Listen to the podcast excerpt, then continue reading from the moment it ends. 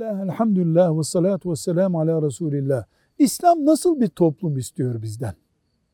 Hangi topluma İslam toplumu denebiliyor? Bir, ahlakın önde olduğu, insanların ahlakıyla övünebildiği bir toplum. İki, maddi manevi sağlığın yerinde olduğu, bedenlerin çürümediği bir toplum. Üç, dünya ve ahiretin dengede tutulduğu, dünyanın ahireti ezmediği, ahiretin dünyanı, e, dünya ezmediği bir toplum. Dört, insanların gerçek kardeş oldukları bir toplum. Beş, ulvi gaye, en üst gaye Allah'ın rızasını kazanmak. Ana hedefin bu olduğu ve hiçbir coğrafi yapının, yaratılış farklılıklarının üstünlük nedeni olmadığı, etnik yapının bir üstünlük sağlamadığı toplum Allah'ın izniyle İslam toplumudur.